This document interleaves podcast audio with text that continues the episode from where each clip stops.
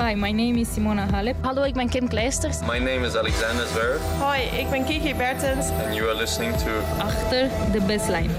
De backhand doet het. Natuurlijk zou je haar zeggen. Want het is een handelsmerk. Wauw, David Goffin snoept een set-off van de King of Clay van Rafa Nadal. Dit is Achter de Baseline. De tennispodcast van Eurosport. Met Abe Kuil en David Avakian. De eerste kwartfinales zijn gespeeld op Roland Garros. Ik uh, kom weer net vers uit het commentaar. Ook sterker nog, ik zit er nog in eigenlijk voor het opnemen van deze podcast. David, jij bent uh, naar het Cour Philippe Chatelier gelopen. Want het was uh, vrij onrustig, begrijp ik, in de perszaal. Het was een prachtige climax van deze tennisdag met Marketa Vondroshova. Die won van Petra Martic aan het eind. Het was de partij op voorhand waarvan we ja, natuurlijk misschien wel het minste uh, van verwachten. Althans, waar het minste over werd gezegd en geschreven. Maar wat een wedstrijd was dat, David. Laten we daar gelijk maar mee beginnen. Die ligt nog vers in het geheugen. Die is een paar minuten geleden pas afgelopen. Ja, nee, wat je zegt. Waanzinnige wedstrijd. En beide speelsters spelen echt attractief tennissen. Uh, want Roesjewa natuurlijk met die, met die links uh, gehoekte voorhand waarmee ze eigenlijk alle kanten op kan. En als je zit te kijken ook, dan zie je helemaal niet zo goed welke richting het op gaat. En daartegenover dan Petra Martic, ja, met die, met die prachtige... Uh, ja, die, die stijl die ze heeft, je, ziet daar echt nadenken voortdurend en met die slice rechtdoor. En het is echt heel compleet. En het was heel mooi om dat te zien. En daarbovenop nog de, de ontzettende spannende momenten. Zeker aan het einde van de beide sets. Want uiteindelijk uh, won Wondrusheva in twee sets. Maar het was echt een, uh, een kraker wel. Ja, en, en ik heb het in de eerste set uh, vooral ook gezegd aan het einde hoe Van Drosheva daar omging met die spanning. 5-3 stond ze achter. Het was 5-6-0-40 ook nog. Ja, en toen brak er een fase aan waarin zij gewoon zo rustig bleef. En, en nou ja, ze pakte dus die, die game, vijf punten op rij. Toen werd er een tiebreak gespeeld. Daarin was er maar één punt voor Martic. Dus vanaf 5-6-0-40 nog maar één punt verloren door Vondrosheva. En ik heb het ook gezegd, als je kijkt naar haar reacties tussen de punten door... het lijkt wel alsof ze gewoon op een trainingsbaan staat. Ze slaat een prachtige backhand winner op een of ander cruciaal punt. En dan lacht ze een beetje half en dan, uh, dan kijkt ze naar de box. En dan gaan we weer door. En, en dat was toch ook wel een beetje een verschil volgens mij in beide sets. De rust bij Van Drosheva, al had ze wel last van spanning in de tweede set. Toen zagen we eigenlijk voor het eerst dat ze een beetje menselijk werd. Ja. Hè, met, met services die ze niet meer echt door te, durfde te slaan. Een dubbele fout. Met ja, zo. Wat die... een dubbele, dubbele fout van het toernooi wil ik het noemen. Ja, die amper het, uh, amper het net haalde. Ja. Maar over het algemeen, gewoon de, de rust en de controle die zij heeft. Ja, dat is echt, echt machtig om te zien, vind ik. Ja, Voor een, meisje van 19 speelde vandaag haar eerste Grand Slam kwartfinale. Ja, precies wat je zegt. Zo volwassen komt ze over. En tussen de punten door dat geschok, dat vind ik ook altijd wel, wel grappig om te zien uh, bij haar. Uh, ja, nee, ik ben, ik ben zwaar onder de indruk. Ik kan er niks anders van zeggen. En enerzijds was het wel te verwachten, want als we twee jaar teruggaan, kwam ze natuurlijk als een komeet op in 2017. Uh, er werd heel veel van haar verwacht. Toen in 2018 werd ze teruggeworpen door blessures. En eigenlijk ja, is en, niet... en, en ook een beetje gewoon de, de, toch wel de verwachting, of ja. nee, niet zozeer de verwachting, maar gewoon het nieuwe, het nieuwe leven. Ja. Hè? Want ze, ja. ging 300 plaatsen omhoog in 2017. Toen won ze ook al een eerste WTA-titel op 17-jarige leeftijd.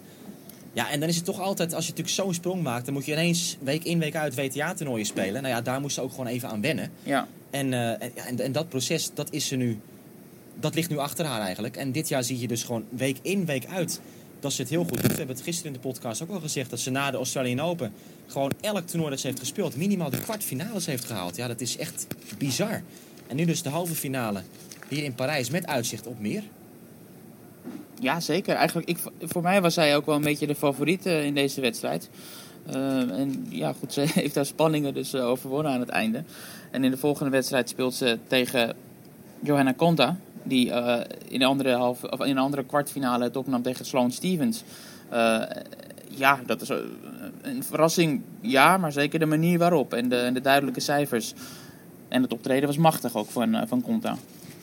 Ja, Conta um, heeft een beetje zuur gereageerd aan het begin van dit toernooi tegen de Britse pers. Want, ja, die heel kritisch zijn hoor altijd. Want die, die Britse pers en Conta, dat is een heel vervelend uh, verhaal. En zij wordt cont continu onder druk gezet. En dat is echt geen, uh, geen prettige verhouding. Maar ga door. Ja, nou het feit is dus uh, natuurlijk zo dat, dat in, in de media worden altijd statistieken aangehaald om verhalen omheen op te bouwen, et cetera. Nou, de verhaallijn van Conta was natuurlijk dat ze nog nooit een wedstrijd had gewonnen hier op Roland Garros. En dat vond ze heel vervelend dat ze daar altijd mee werd geconfronteerd. En daar deed ze een beetje cynisch over, soms in haar reacties. En ze zei ook aan het begin van het toernooi al van dat ze, dus toen ze de eerste partij won, ja, dat, ze, dat ze eigenlijk altijd wel van zichzelf had verwacht dat ze heel goed op gravel zou kunnen spelen. Want in het verleden, als junior, zei ze, vond ze het een prima baansoort om op te spelen. Heeft ze ook gewoon aardige resultaten gehaald. Maar het duurde om de een of andere reden gewoon even voordat het dus op eh, WTA-niveau is gebeurd. Dit jaar voor het eerst echt eh, goede resultaten. Bereikt op gravel, finale natuurlijk in, eh, in Rome gespeeld, waar ze ook won van Kiki Bertens. En die lijn trekt ze hier nu door in Parijs. Maar ja, op wat voor manier inderdaad. Gewoon een, bijna een vlekkeloze Ja, wedstrijd tegen Stevens. Ja, het is misschien Eh, wel de moeite waard om, om wat cijfertjes eh, van die wedstrijd erbij te pakken. 6-1, 6-4 won ze. En ze had een eerste servicepercentage van 70%. En op haar eerste service verloor ze in die hele wedstrijd echt maar een handvol punten. Dus dat vond ik echt wel eh, indrukwekkend om te zien. En, ja, we In de, tweede set, in, in, in de tweede set verloor ze één punt op eigen service. Ja, bizar. Bizar. En zij is, eh, we hadden het erover eh, met een aantal andere journalisten. Een van de weinige speelsters in mijn mening die heel makkelijk eh, een winnaar kan slaan. Hè? Is Gewoon service winner. Volgende punt. Gewoon heel erg compact en snel punten binnen kan slepen. En ook gewoon door, ja, door zo'n gravelbaan heen kan slaan. Nou, maar dan zie je dus ook vandaag weer, weet je. Zij speelde natuurlijk toen het nog goed weer was. Ja, Ja. zij speelt gewoon precies hetzelfde als op de andere baansoort eigenlijk. Ze serveert, ze blijft op de baseline staan en gelijk, hup, als het moet, een soort half volley eh, slaan als tweede bal. Ja. En consequent hield ze daarmee Stevens gewoon in de verdediging. En ging het eigenlijk te, te snel voor Stevens. Die, Ja. hè, dat voetenwerk van de, van de Amerikaanse is natuurlijk een beetje een zwakke plek. Als je op tempo speelt tegen Sloane Stevens, dan is het toch een beetje ja, eh, ja, laks, lui, hoe moet je het zeggen. Ja. Eh, Soms in het benenwerk, zonder respectloos te willen overkomen. Ja. Maar dat, dat, is, dat weet iedereen. En Conta deed dat heel goed. Die, die hield die baseline vast en ja, van begin tot eind dus echt dominant. Ja, ja, en ze heeft nu haar onderlinge resultaat eh, tegen Stevens ook uitgebreid tot 3-0. Dus het was, ze had al een, een goede record tegen haar. Nee, ja, ontzettend knap. En ik kijk eh, zeker uit naar die wedstrijd tegen Van Drusjewa. Ik, ze spelen allebei heel goed. Ja, ik wil toch nog even wat andere dingen over Van Drosjeva zeggen. Want zij was samen met Annie Simova de enige speelster die de kwartfinales haalde zonder setverlies. Nou, dat zijn dus de twee tieners in dit toernooi. Annie Simova die gaat het morgen denk ik eh, niet volhouden, die lijn. Want die speelt tegen Simona Halep. Ja. die, zie ik, die zie ik niet in twee sets winnen van... eh, Nou ja, van eh, Halep, maar- ja, ik weet het allemaal niet hoor. Ik, ze- zij is ook echt indrukwekkend bezig. Ja, maar goed, ik denk dat Halep toch iets te compleet is nog voor, eh voor Anisimova. Maar er was dus een fase.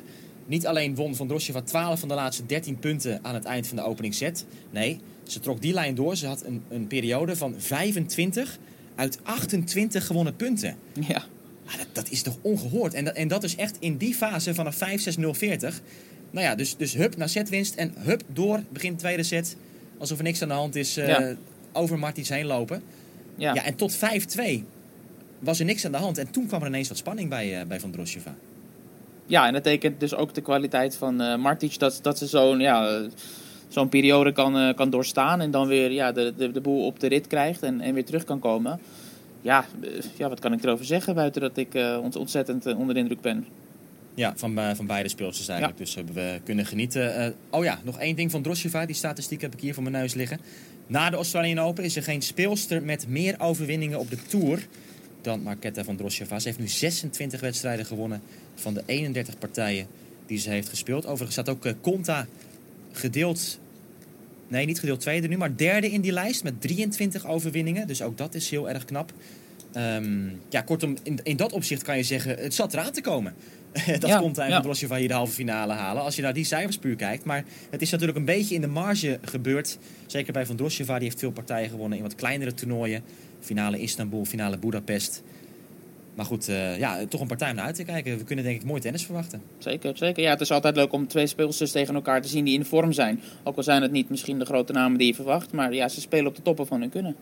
En dat eh, zagen we dus ook vandaag bij Martins en Van Drosjeva. Het hoeven niet altijd de grote namen te zijn om tot een hele leuke partij te leiden.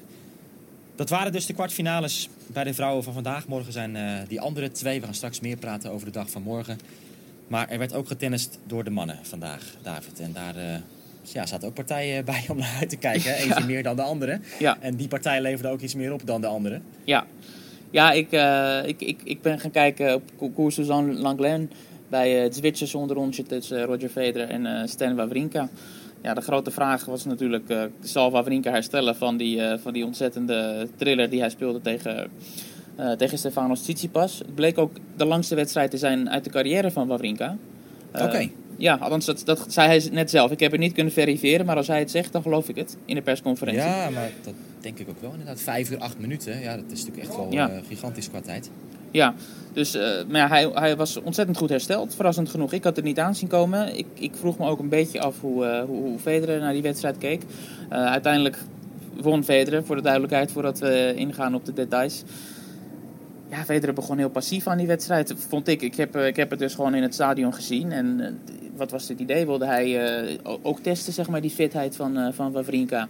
Hij, hij, hij ging de rally aan, hij ging helemaal niet voor de snelle punten zoals we hem kennen een soort van energiebesparingsmodus. Uit zijn eerdere wedstrijden leek er nog een beetje in te zitten. Een soort derde versnelling hè, was het. En hij gaf Sten op zich alle ruimte om, om ook gewoon mee, mee te gaan in de rallies. En daarmee liet hij uh, Wawrinka langzamerhand, zoals ik het zag, uh, toch een beetje in die zone raken waar hij zelf Federer zo bang voor is altijd op gravel. En dat lukte ook wel, maar niet, niet goed genoeg om het helemaal door te trekken. Nou ja, wat ik nog even daarop wil zeggen is dat um, mij vooral opviel dat Wawrinka natuurlijk dit toernooi, we hebben het gezegd in de podcast, op de belangrijke punten tegen iedereen zoveel indruk maakte. Hè? Daar ja. was hij echt, echt de overlever en van, uh, wow, weet je, ik ga dit even, even klaren, dit klusje tegen Dimitrov, tegen Tsitsipas. Ja, en dat zie je dan toch als hij tegen Federer speelt. Vandaag ook weer zo'n tiebreak.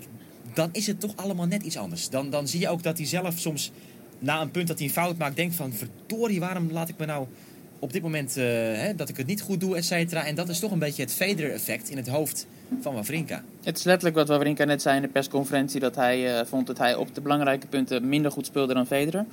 Uh, ja. Dus hij is het in dat opzicht helemaal met jou eens. Ehm, ja, maar als we dan kijken naar de belangrijke punten in de wedstrijd, hoe die door Federer werden gespeeld, en dan wil ik het met name hebben over de breakpoints. Ja, het blijft, het blijft ja, maar dat heeft niet te maken met Wawrinka. Ja, maar het blijft, het blijft toch... breakpoints, daar zijn uh, legendarische giftjes van op internet te vinden. Ja, dat, niet uh... normaal. Ja, wat was, wat was het? Hij had 16 breakkansen en hij maakte er uh, ja, twee uiteindelijk. Ja, dat, dat weet ik even niet. Maar ik wil, ik wil wel even inhaken op Wawrinka, die op breakpoints tegen dit toernooi zo goed heeft gespeeld. Want hij had op een gegeven moment 16 breakpoints op rij weggewerkt. Ja. Acht breakpoints in de vijfde set tegen Tsitsipas. En nu ook de eerste acht tegen Federer vandaag. Ja. Ja, en Federer doet het tegenovergestelde. Hij, uh, hij heeft een record aantal gemiste breakkansen. Dus het is, ja... Nou goed, dat, dat zal allemaal beter moeten gaan. Uiteindelijk voelt hij zich goed genoeg en speelt hij goed genoeg. En heeft Federer genoeg vertrouwen om, uh, om ondanks die gemiste kansen toch op een of andere manier zo'n wedstrijd uh, binnen te slepen. Een wedstrijd die overigens werd onderbroken hè. Uh, na, wat was het? In de derde set werd het onderbroken. Ja, derde set 3-3. Vierde Ja. set, vierde set. Vierde set, ja. Ehm, ja, korte onderbreking van een uurtje misschien, misschien ook iets, iets minder. En ze kwamen terug en daarna was het eh, ja, toch in het voordeel van Federer uitgevallen allemaal.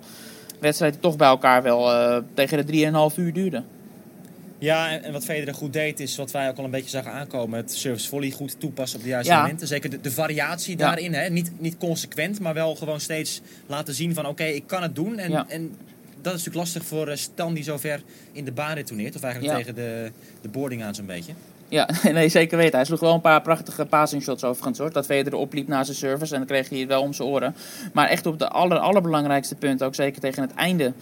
Toen won Federer toch alle punten aan het net.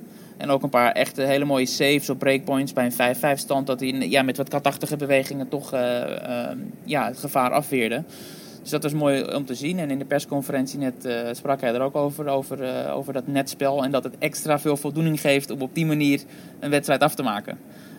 Ja, ja, Ja, oké. Ja, bij, het, bij het uitserveren was het natuurlijk nog wel even een avontuur om daar doorheen te komen. Hij sloeg zijn eerste twee dubbele fouten van de wedstrijd. Ja. Allebei in die laatste game. Ja, en Wawrinka had nog een breakkans. En eh, bijna was het dus nog, eh, nog extra lang geworden, die wedstrijd. Maar Federer kon het afmaken in vier sets. ja. en uh, Wawrinka die was vooral blij hoor net. Hij, hij was niet heel teleurgesteld in de persconferentie. Hij had zoiets van, wat we gisteren al aangaven... dat het zo knap is dat hij weer terug is op dit niveau. En hij zegt dat ik nu al die wedstrijden na elkaar, Tsitsipas en daarvoor ook tegen Dimitrov en nu weer Federer, dat het allemaal kon in de achtereenvolgende dagen. Ik ben ontzettend blij met, met de situatie waarin ik nu zit. Even over die regenpauze, David. Het eh, interessante daaraan was natuurlijk, het was 3-3 in de vierde set. Ja. En het was op het initiatief van Federer vooral, dat werd besloten van laten we nu maar gaan stoppen. Want eh, hij keek naar de lucht, hij zag die ontzettend donkere wolken hangen. Het was onvermijdelijk dat het ging regenen, iedereen wist het gaat gebeuren. Maar Federer zei van laten we gewoon preventief al naar de kleedkamer gaan. Ja. ja. Hij wilde En- niet en dat worden. Nee, maar het, het belangrijkste effect daar nog van eh, was... Daar werd besloten, we gaan de kleedkamer in. Tegelijkertijd speelde Nadal tegen Kei Nishikori. Hij stond 6-1, 6-1 en 4-2 voor. Daar kwam de referee ook de baan op en die zei tegen Rafa, ja, we gaan stoppen. En Nadal dacht natuurlijk van, ben jij helemaal, ben jij helemaal besodemieterd? Ik sta 6-1, 6-1, 4-2 voor. Ja. Eh, het kan over drie minuten afgelopen zijn hier, eh, als ik even doorpak. Ja, Maar nee, hij was onverbiddelijk en eh Nadal moest ook naar binnen. Dus dat was, hij was er minder blij mee, de Spanjaard. En ja, moest dus daarna dus nog terugkomen van een paar games om het af te maken tegen Kei Nishikori. Die partij, dat was natuurlijk een grote deceptie. Ja, dat was niks. En eh, kijk, Nishikori die moet wel in een, hele goede doen zijn en, en fit zijn en alle energie hebben om daar een wedstrijd van te kunnen maken. En dat was niet het geval. Een Japanse journalist net in de persconferentie van Nadal, die, ja, die stelde eigenlijk de, de, de zeer voor de hand liggende vraag en waar het antwoord ook wel duidelijk op was. Hij vroeg aan Nadal letterlijk van, had je het idee dat jij meer energie had dan eh, Nishikori? En Nadal zei, ja, ja, ja zeker weten. Dat kan niet mee indraaien. Nee, nee, hij zegt ja, 100% absoluut, je hebt gelijk. Dat was het antwoord een beetje. Ja. We hebben trouwens ehm, natuurlijk eerder dit toernooi die statistiek genoemd van Kei Nishikori die zo goed was in, eh in vijfzetters.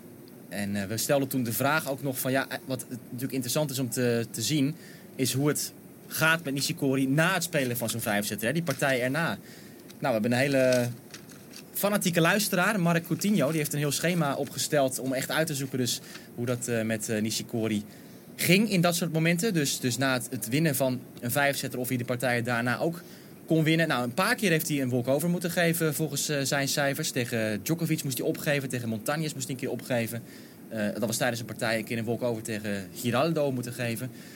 Maar toch, volgens mij, eh 50% van de gevallen wist hij die partij erna nog steeds te winnen. Dus Nishikori is in dat opzicht toch wel in staat om te herstellen. Maar het nadeel vandaag was dat hij natuurlijk drie dagen op rij op de baan stond. Met, eh, met die partij tegen Per, die was verspreid over twee dagen.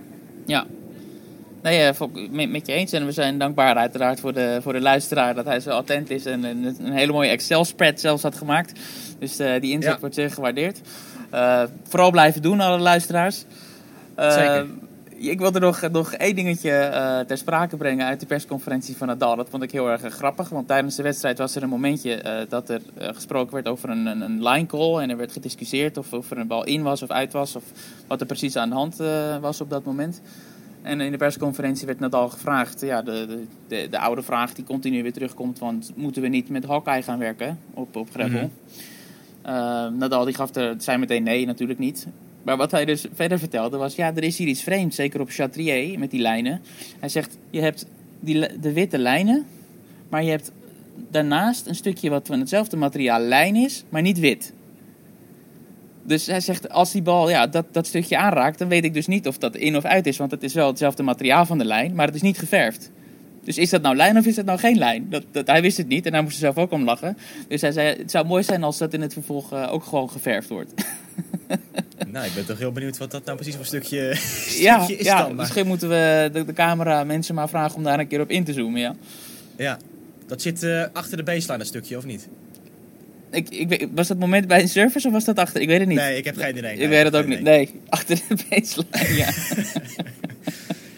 Eh, trouwens, David, het is wel interessant dat jij dat zegt natuurlijk. Want ehm Hawkeye op gravel, we zien altijd die animaties op televisie ook voorbij komen. En eigenlijk is het apart dat het gebeurt. Want een belangrijke reden waarom er geen Hawkeye op gravel is... en ik weet zeker heel veel mensen die weten dat nog steeds niet... is dat het gewoon technisch minder betrouwbaar is, het systeem... om Hawkeye te meten op een gravelbaan... dan op een grasbaan of een hardcorebaan. Ja, en waar ligt het nou aan?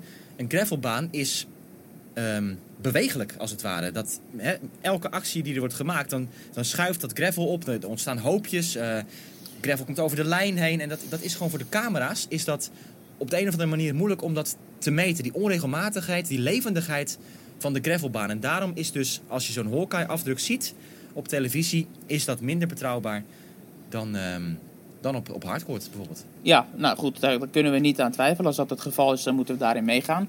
De vraag waar ik wel mee zit steeds is...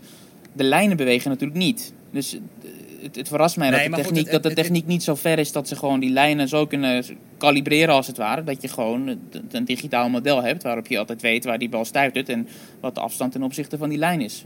Ja, Vind ik- vind ik vreemd, Ik, ben, goed. ik, ben, ik, ben, ik ben geen expert in Hawkeye en hoe ze dat Nee. allemaal precies meten. Maar er is wel een ander systeem wat wij kennen. Dat is het Ja. Fox 10 systeem. En dat is niet op projecties gebaseerd. Want Hawkeye werkt met projecties van de bal. Dus dat is niet echt real-time eh, een beeld. Fox 10 volgt wel echt de bal. En dat zie je ook in die, in die animaties. Het is nog niet bij heel veel toernooien in gebruik. Maar dan zie je dus echt bij die, eh, die challenge... zie je echt die bal stuiten en dan heb je dus gewoon daadwerkelijk precies de plek te pakken waar die is eh, terechtgekomen. Dus wie weet is dat wel een Ja. optie voor gravel. Goed, dan kan je het nog hebben over van is het leuk om het op gravel te doen? Eh, hè, moet je dat wel doen omdat een paar gewoon die afdruk kan zien? Ja, ja, goed, daar kan je Ja, ja, goed, je zegt gewoon, maar als we kijken naar het aantal discussies dat er toch over ontstaat, dan is, het- is, is het toch niet ideaal zoals het nu ook is. Dus hopelijk zal het in de toekomst eh, de techniek daar wel eh, van pas komen. Ja, nou ja, voor mij hoeft het allemaal niet. Maar, eh. David, de wedstrijden van vandaag hebben we gehad. We kunnen gaan uitkijken naar de dag van morgen. En om te beginnen moeten we even extra aandacht besteden aan Karen Gatjanov. Waarom? Gisteren zaten we zo in de adrenaline. Ik, ik, ik kwam uit het commentaar ook. Gatjanov tegen Del Potro. ik zei het gelijk al. Maar we hebben die wedstrijd verder niet besproken. Het was natuurlijk een prachtige partij. De overwinning van Gatjanov in vier sets op eh, Juan Martín Del Potro. Die fysiek wel vrij gesloopt was. Dat zag je in die wedstrijd. Dat heeft hij ook na afloop volgens mij eh, een beetje aangegeven in diverse interviews. Dat hij gezien zijn fysieke staat ook echt blij was met wat hij heeft gepresteerd hier op Roland Garros. Dus hij kon leven met die verliespartij tegen de Rus. Maar wat heel interessant was in die wedstrijd. Hoe werd die partij gewonnen door Gatchanov? Ja, hij won de strijd der voorhands van Del Ja. Potro. Hij sloeg echt veel meer winners. En had Del Potro vaker onder druk dan andersom. Ja, opmerkelijk, want eh, ja, de voorhand van Del Potro, daar hoeven we niet veel over te zeggen. Dat is ja, de beste, een van de beste, ja, dat kunnen- weten we niet. Maar dat is natuurlijk een machtig eh, wapen waar iedereen voor vreest. En Gatchanov die heeft ook een machtige voorhand. Die ziet er wat mij betreft niet al te fraai uit. Maar eh, het is zeker wel eh, een ontzettend wapen, is ook gebleken. Ja, het is zijn idool, hè. Eh, hij heeft tot op zekere hoogte, ook qua fysiek, kan je, kan je de vergelijkingen trekken tussen eh, Del Potro en, en. Dus het was mooi om te zien hoe hij ja, zijn idool versloeg en voor het eerst in zijn eh, carrière de kwartfinale haalde. Of aan Ja, het grappige, het grappige is ook dat ehm, het contrast natuurlijk tussen die twee forehands is ook bijna het meest extreme wat je kan hebben. Want Del Potro heeft die hele open greep met die voorhand, het he- hele open racketblad. En Ja. Gatchanov die begint natuurlijk van een extreem gesloten positie. Dat Ja. was ook mooi dat je, als je die slow-mo's eh, zag van die, eh, die ballen. Ehm, maar ja, een prachtig toernooi voor Karen Gatchanov. Eh, vorig jaar in Parijs een andere doorbraak beleefd door het Masters 1000 toernooi te winnen in Parijs-Bercy. Eind vorig jaar. En hij kwam langs in de studio van Eurosport bij Alex Corretja en Barbara Chet. En hij sprak over het eh bijzonder moment onder andere van het voor het eerst bereiken van een kwartfinale van een Grand Slam toernooi. Yeah, it's um, you know day to remember for sure. Um, first uh, like achievement, let's say like this, in the first quarterfinal of Grand Slam. I think that's what I've been working for a long time, and uh, you know I hope to try to get it going. But uh, okay, we're here in the quarterfinals, and uh, let's think let's think about that. But going back to yesterday, Karen, physically it was difficult, but emotionally, did it take a lot to you to recover? Not really, you know. Once you are winning these matches, I think uh, that's what it makes uh, the difference, you know, because um, of Especially course. with an ace. Yes, uh, uh, serve helps in these situations, you know. But, but emotionally, yeah, you know, still I would say he was like kind of a favorite. You know, people everywhere enjoy him. You know, they love him, so they were supporting like crazy. And um, despite that, you know, I'm really happy to to get this win. Yeah. Why is it all coming to the, together now? Because uh, the the year was so-so. You had losses, you had uh, victories, but uh, why is it happening now? You think you're taking that next step? I don't know. If, if I would know, I would, I would, I would do it. If I would know the answer, you know, maybe you I, I could, I could do it earlier, you know. You have to have a theory now afterwards. Normally, you're always smarter afterwards, after it happens. Yeah, you know, I think the last couple of weeks they were more positive for me before coming to French Open. I started to play a little bit better tennis. You know, I think you know in tennis. Um, you know, I, I don't need to explain. You know everything. Uh, you know, confidence is everything, and uh, sometimes still you are playing, you are feeling okay, but then in the key moments you do some mistakes, or in important moments you do bad, and then you lose the match. You're still thinking about lose, but not thinking about what did you do right, what did you do wrong, and that's sometimes coming, you know, to to a negative way. Let's say Yeah. like this. So it's tough sometimes to come out from this situation and. And uh, you you know, seem like a positive guy, though. me? To me? Yeah. Yes, I'm very positive, but I'm saying sometimes I'm still not doing this uh, perfectly. Sometimes you he gets upset. He means Yes, of still. course. Uh, I'm a human, you know. But uh, Karen, you've been practicing in Barcelona a lot. Did it help, like the clay court mentality, Mm-hmm. to reach these uh, quarters for the moment? And also, I remember winter time you were trying different rackets. Mm-hmm. Now you get back to your old one. Yeah, mm, about clay courts, I think um, it can be the one of the reasons. Uh, also, you know, when I was practicing before um, as a kid in Russia, we used to practice mostly in indoors, like eight months a year. But still, when it was summertime, I was spending whole day on clay courts. So you know, still the base was maybe there, but of course the development I think made was made more in the Spain. And about rackets. Maybe you uh, watched Alex a little bit sometimes. yeah, Alex, we we met quite a few times in Barcelona. He's very, not on the court. he's very busy, you know. but uh, yeah, about rackets, you know, it's always a, a dilemma, you know, about. Um, I think it's mental part, of course, and the feeling part. So. I tried to, to change to the brand basically, which I played before for seven years, and uh, you know I was quite confident about it. But at one point, I just like mine more, and that's that's the truth. You know, it doesn't mean that the other rackets are bad, or you know, No, it just fits me better. And maybe I'm more confident with this hour after having such a great year last year, you know, and finishing on the top of my form, winning my first Masters. So all this comes together, and it was difficult to Thank you. change. Let's talk about the, the next round against Dominic Thiem, Mm-hmm. an Austrian. You've played uh, against him. You beat him in Paris here Mm-hmm. uh, last year. He's obviously one of the, the hot contenders, uh, probably to, to, to be able to win this title here as well. How you see this matchup? Thank you very much. Yes, we played uh, on a different surface. I think um, hardcore, you know, at, there I was really dominating the match, I would say.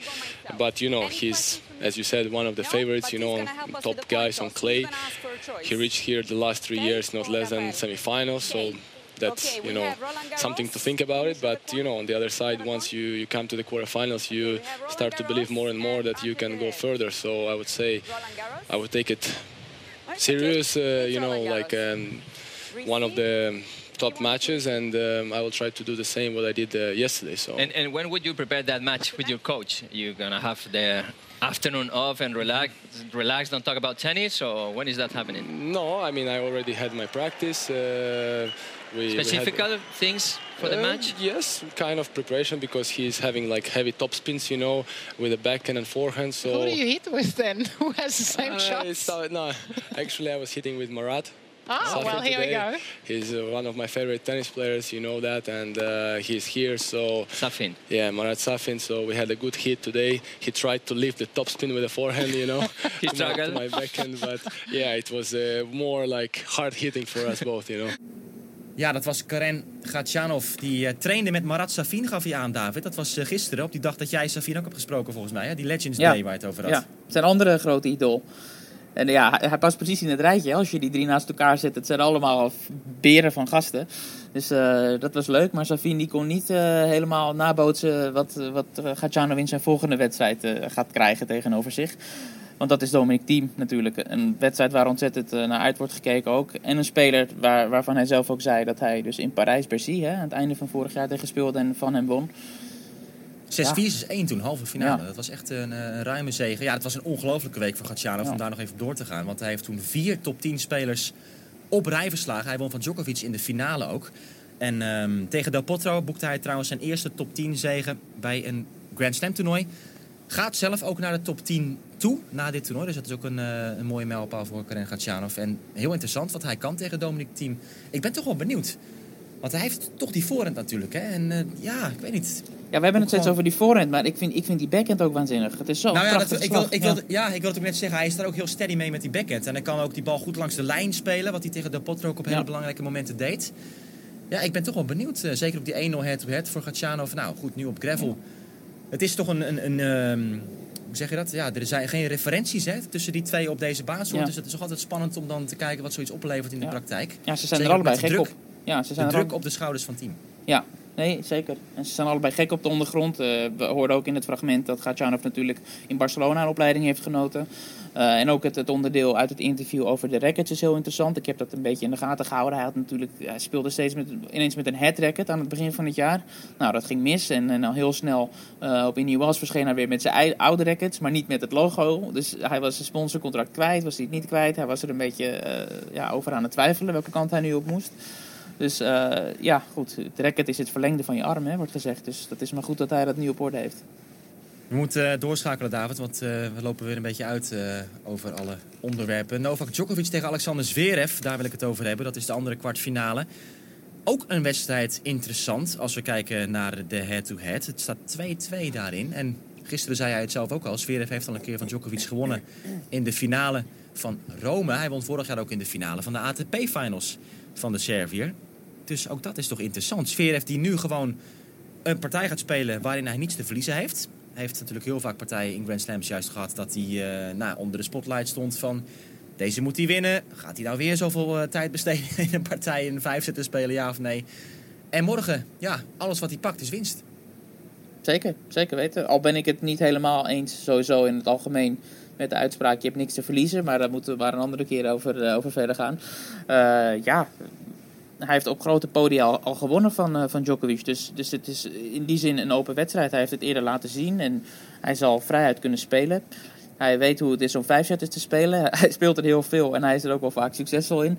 Dus het is niet iemand waarvan ik verwacht dat hij, mocht het een, een, wedstrijd worden en een echt gevecht worden, dat hij ja, langzaamaan zeg maar, een beetje uit zal vallen en, en weg, zal, weg zal gaan qua intensiteit. Dus ik, ik heb er wel vertrouwen in op zich dat hij Djokovic lang bezig zou kunnen houden, mocht het er uh, toe komen. We weten wel dat Djokovic heel goed voorbereid zal zijn op die wedstrijd. Want hij heeft uh, die bekende tennisanalist in zijn hoek zitten, waar jij deze week al mee sprak, Craig O'Shaughnessy. Ja, die werkt dus ook voor Novak Djokovic. En hij gaat zelf uitleggen wat hij nou precies doet voor de nummer 1 van de wereld.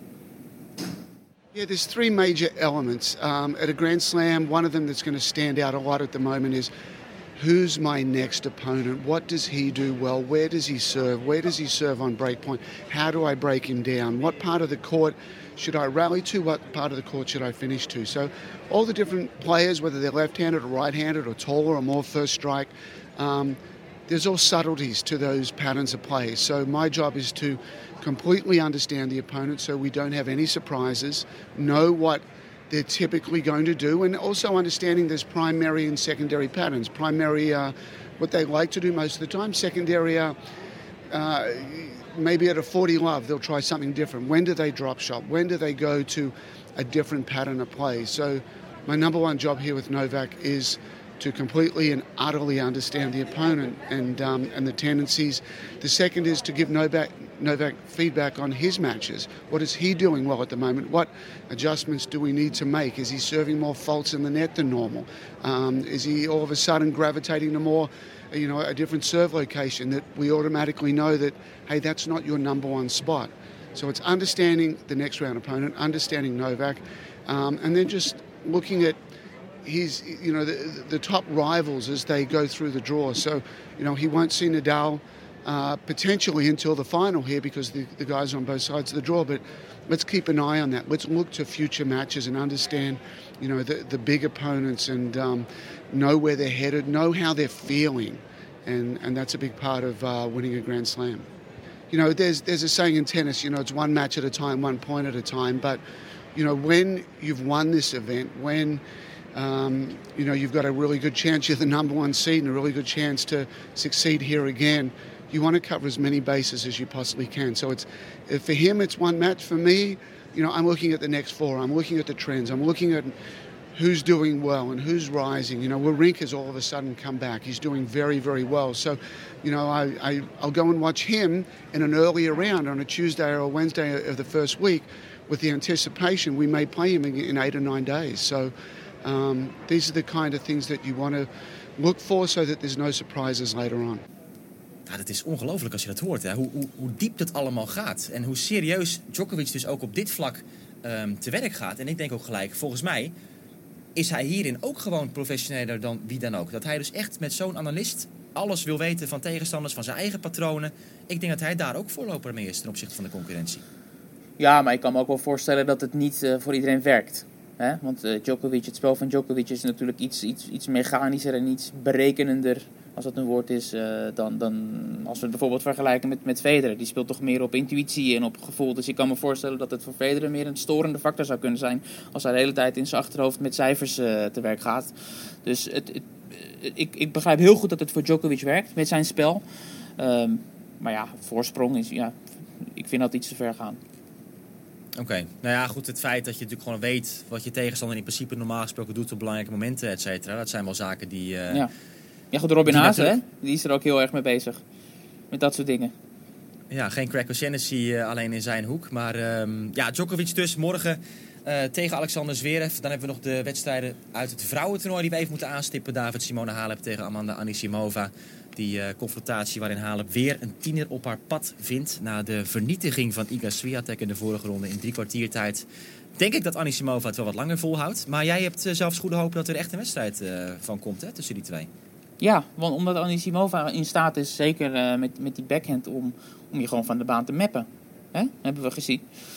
Dus ja, goed, als, als Anisimova niet gegrepen wordt door de zenuwen of door, uh, ja, door het moment, dan, dan zie ik dat best wel tot een mooie wedstrijd uh, uh, ja, verworden. Madison Keys tegen Ashley Barty, de andere kwartfinale. Tweede kwartfinale op rij van een Grand Slam voor Barty. Die is op papier de favoriete, achtste geplaatst. Maar ik denk toch wel dat Madison Keys die wedstrijd gaat winnen eigenlijk. Nummer 14 van de plaatsingslijst. Ja, zeker. We zeiden het gisteren ook al dat, dat, dat Keys gewoon op gravel ja, zo goed speelt eigenlijk. En in het verleden dat ook heeft laten zien. Terwijl ja, het voor het spel van Bart toch wat, wat minder geschikt is. En ik, ja, ik, ik denk dat de power van, van, van Kies het gaat, gaat winnen van het vernuft van, uh, van Barty. Eén dingetje moet er nog zeggen over de Order of Play. Een uh, afwijking ten opzichte van vandaag. Want vandaag stonden de partijen een beetje gekruist. Hè? De mannen begonnen in koertjes aan Langlen met Federer en Wawrinka. Terwijl op het koer Philippe Chatrier uh, Nadal en Nishikori als tweede stond geprogrammeerd. Nou ja, voor de televisie is het ons natuurlijk de uitkomst. Die zullen daar ook wel druk op hebben gezet, denk ik. Dat ze natuurlijk en Nadal en Federer konden uitzenden op die manier. Althans, dat was de theorie, want ja, het ging veel sneller op de ene baan dan op de ander. Maar morgen dus de vrouwen tegelijk tegenover elkaar. En uh, de mannen als tweede ook tegelijk gepland. Zeker. En ik, ja, ik, ik zit uh, naar jou te luisteren en ik zit tegelijkertijd ook in mijn notities te kijken. We hebben natuurlijk het al uh, zo'n 20 minuten geleden gehad over de wedstrijd van Federer tegen Wawrinka. Maar we hebben helemaal niet genoemd welke gevolgen die uitslag heeft voor de volgende ronde. Ja, tegen wie gaat hij spelen dan? Ja, noem, noem eens iets. Ja, er zit nog één Spanjaard in het toernooi, toch? Ja, Rafael Nadal, ja, het is waanzinnig. Rafael Nadal, Roger Federer voor de zesde keer op Roland Garros tegen elkaar in de halve finale. Ja, er is zoveel over te zeggen en uh, in de persconferentie is er ook uh, van alles over uh, gezegd door Federer en Nadal. Maar ik weet niet of we daar tijd voor hebben nu. Nee, dat gaan we lekker bewaren voor een komende aflevering. Want vrijdag gaan zij pas tegen elkaar spelen inderdaad. Dan zijn er twee halve finales bij de mannen. Morgen dus de andere kwartfinales nog. Die moeten worden gespeeld. Wij zijn er dan ook weer na afloop van die dag met een nieuwe aflevering van Achter de Baseline. Bedankt nu voor het luisteren en dus graag weer tot morgen.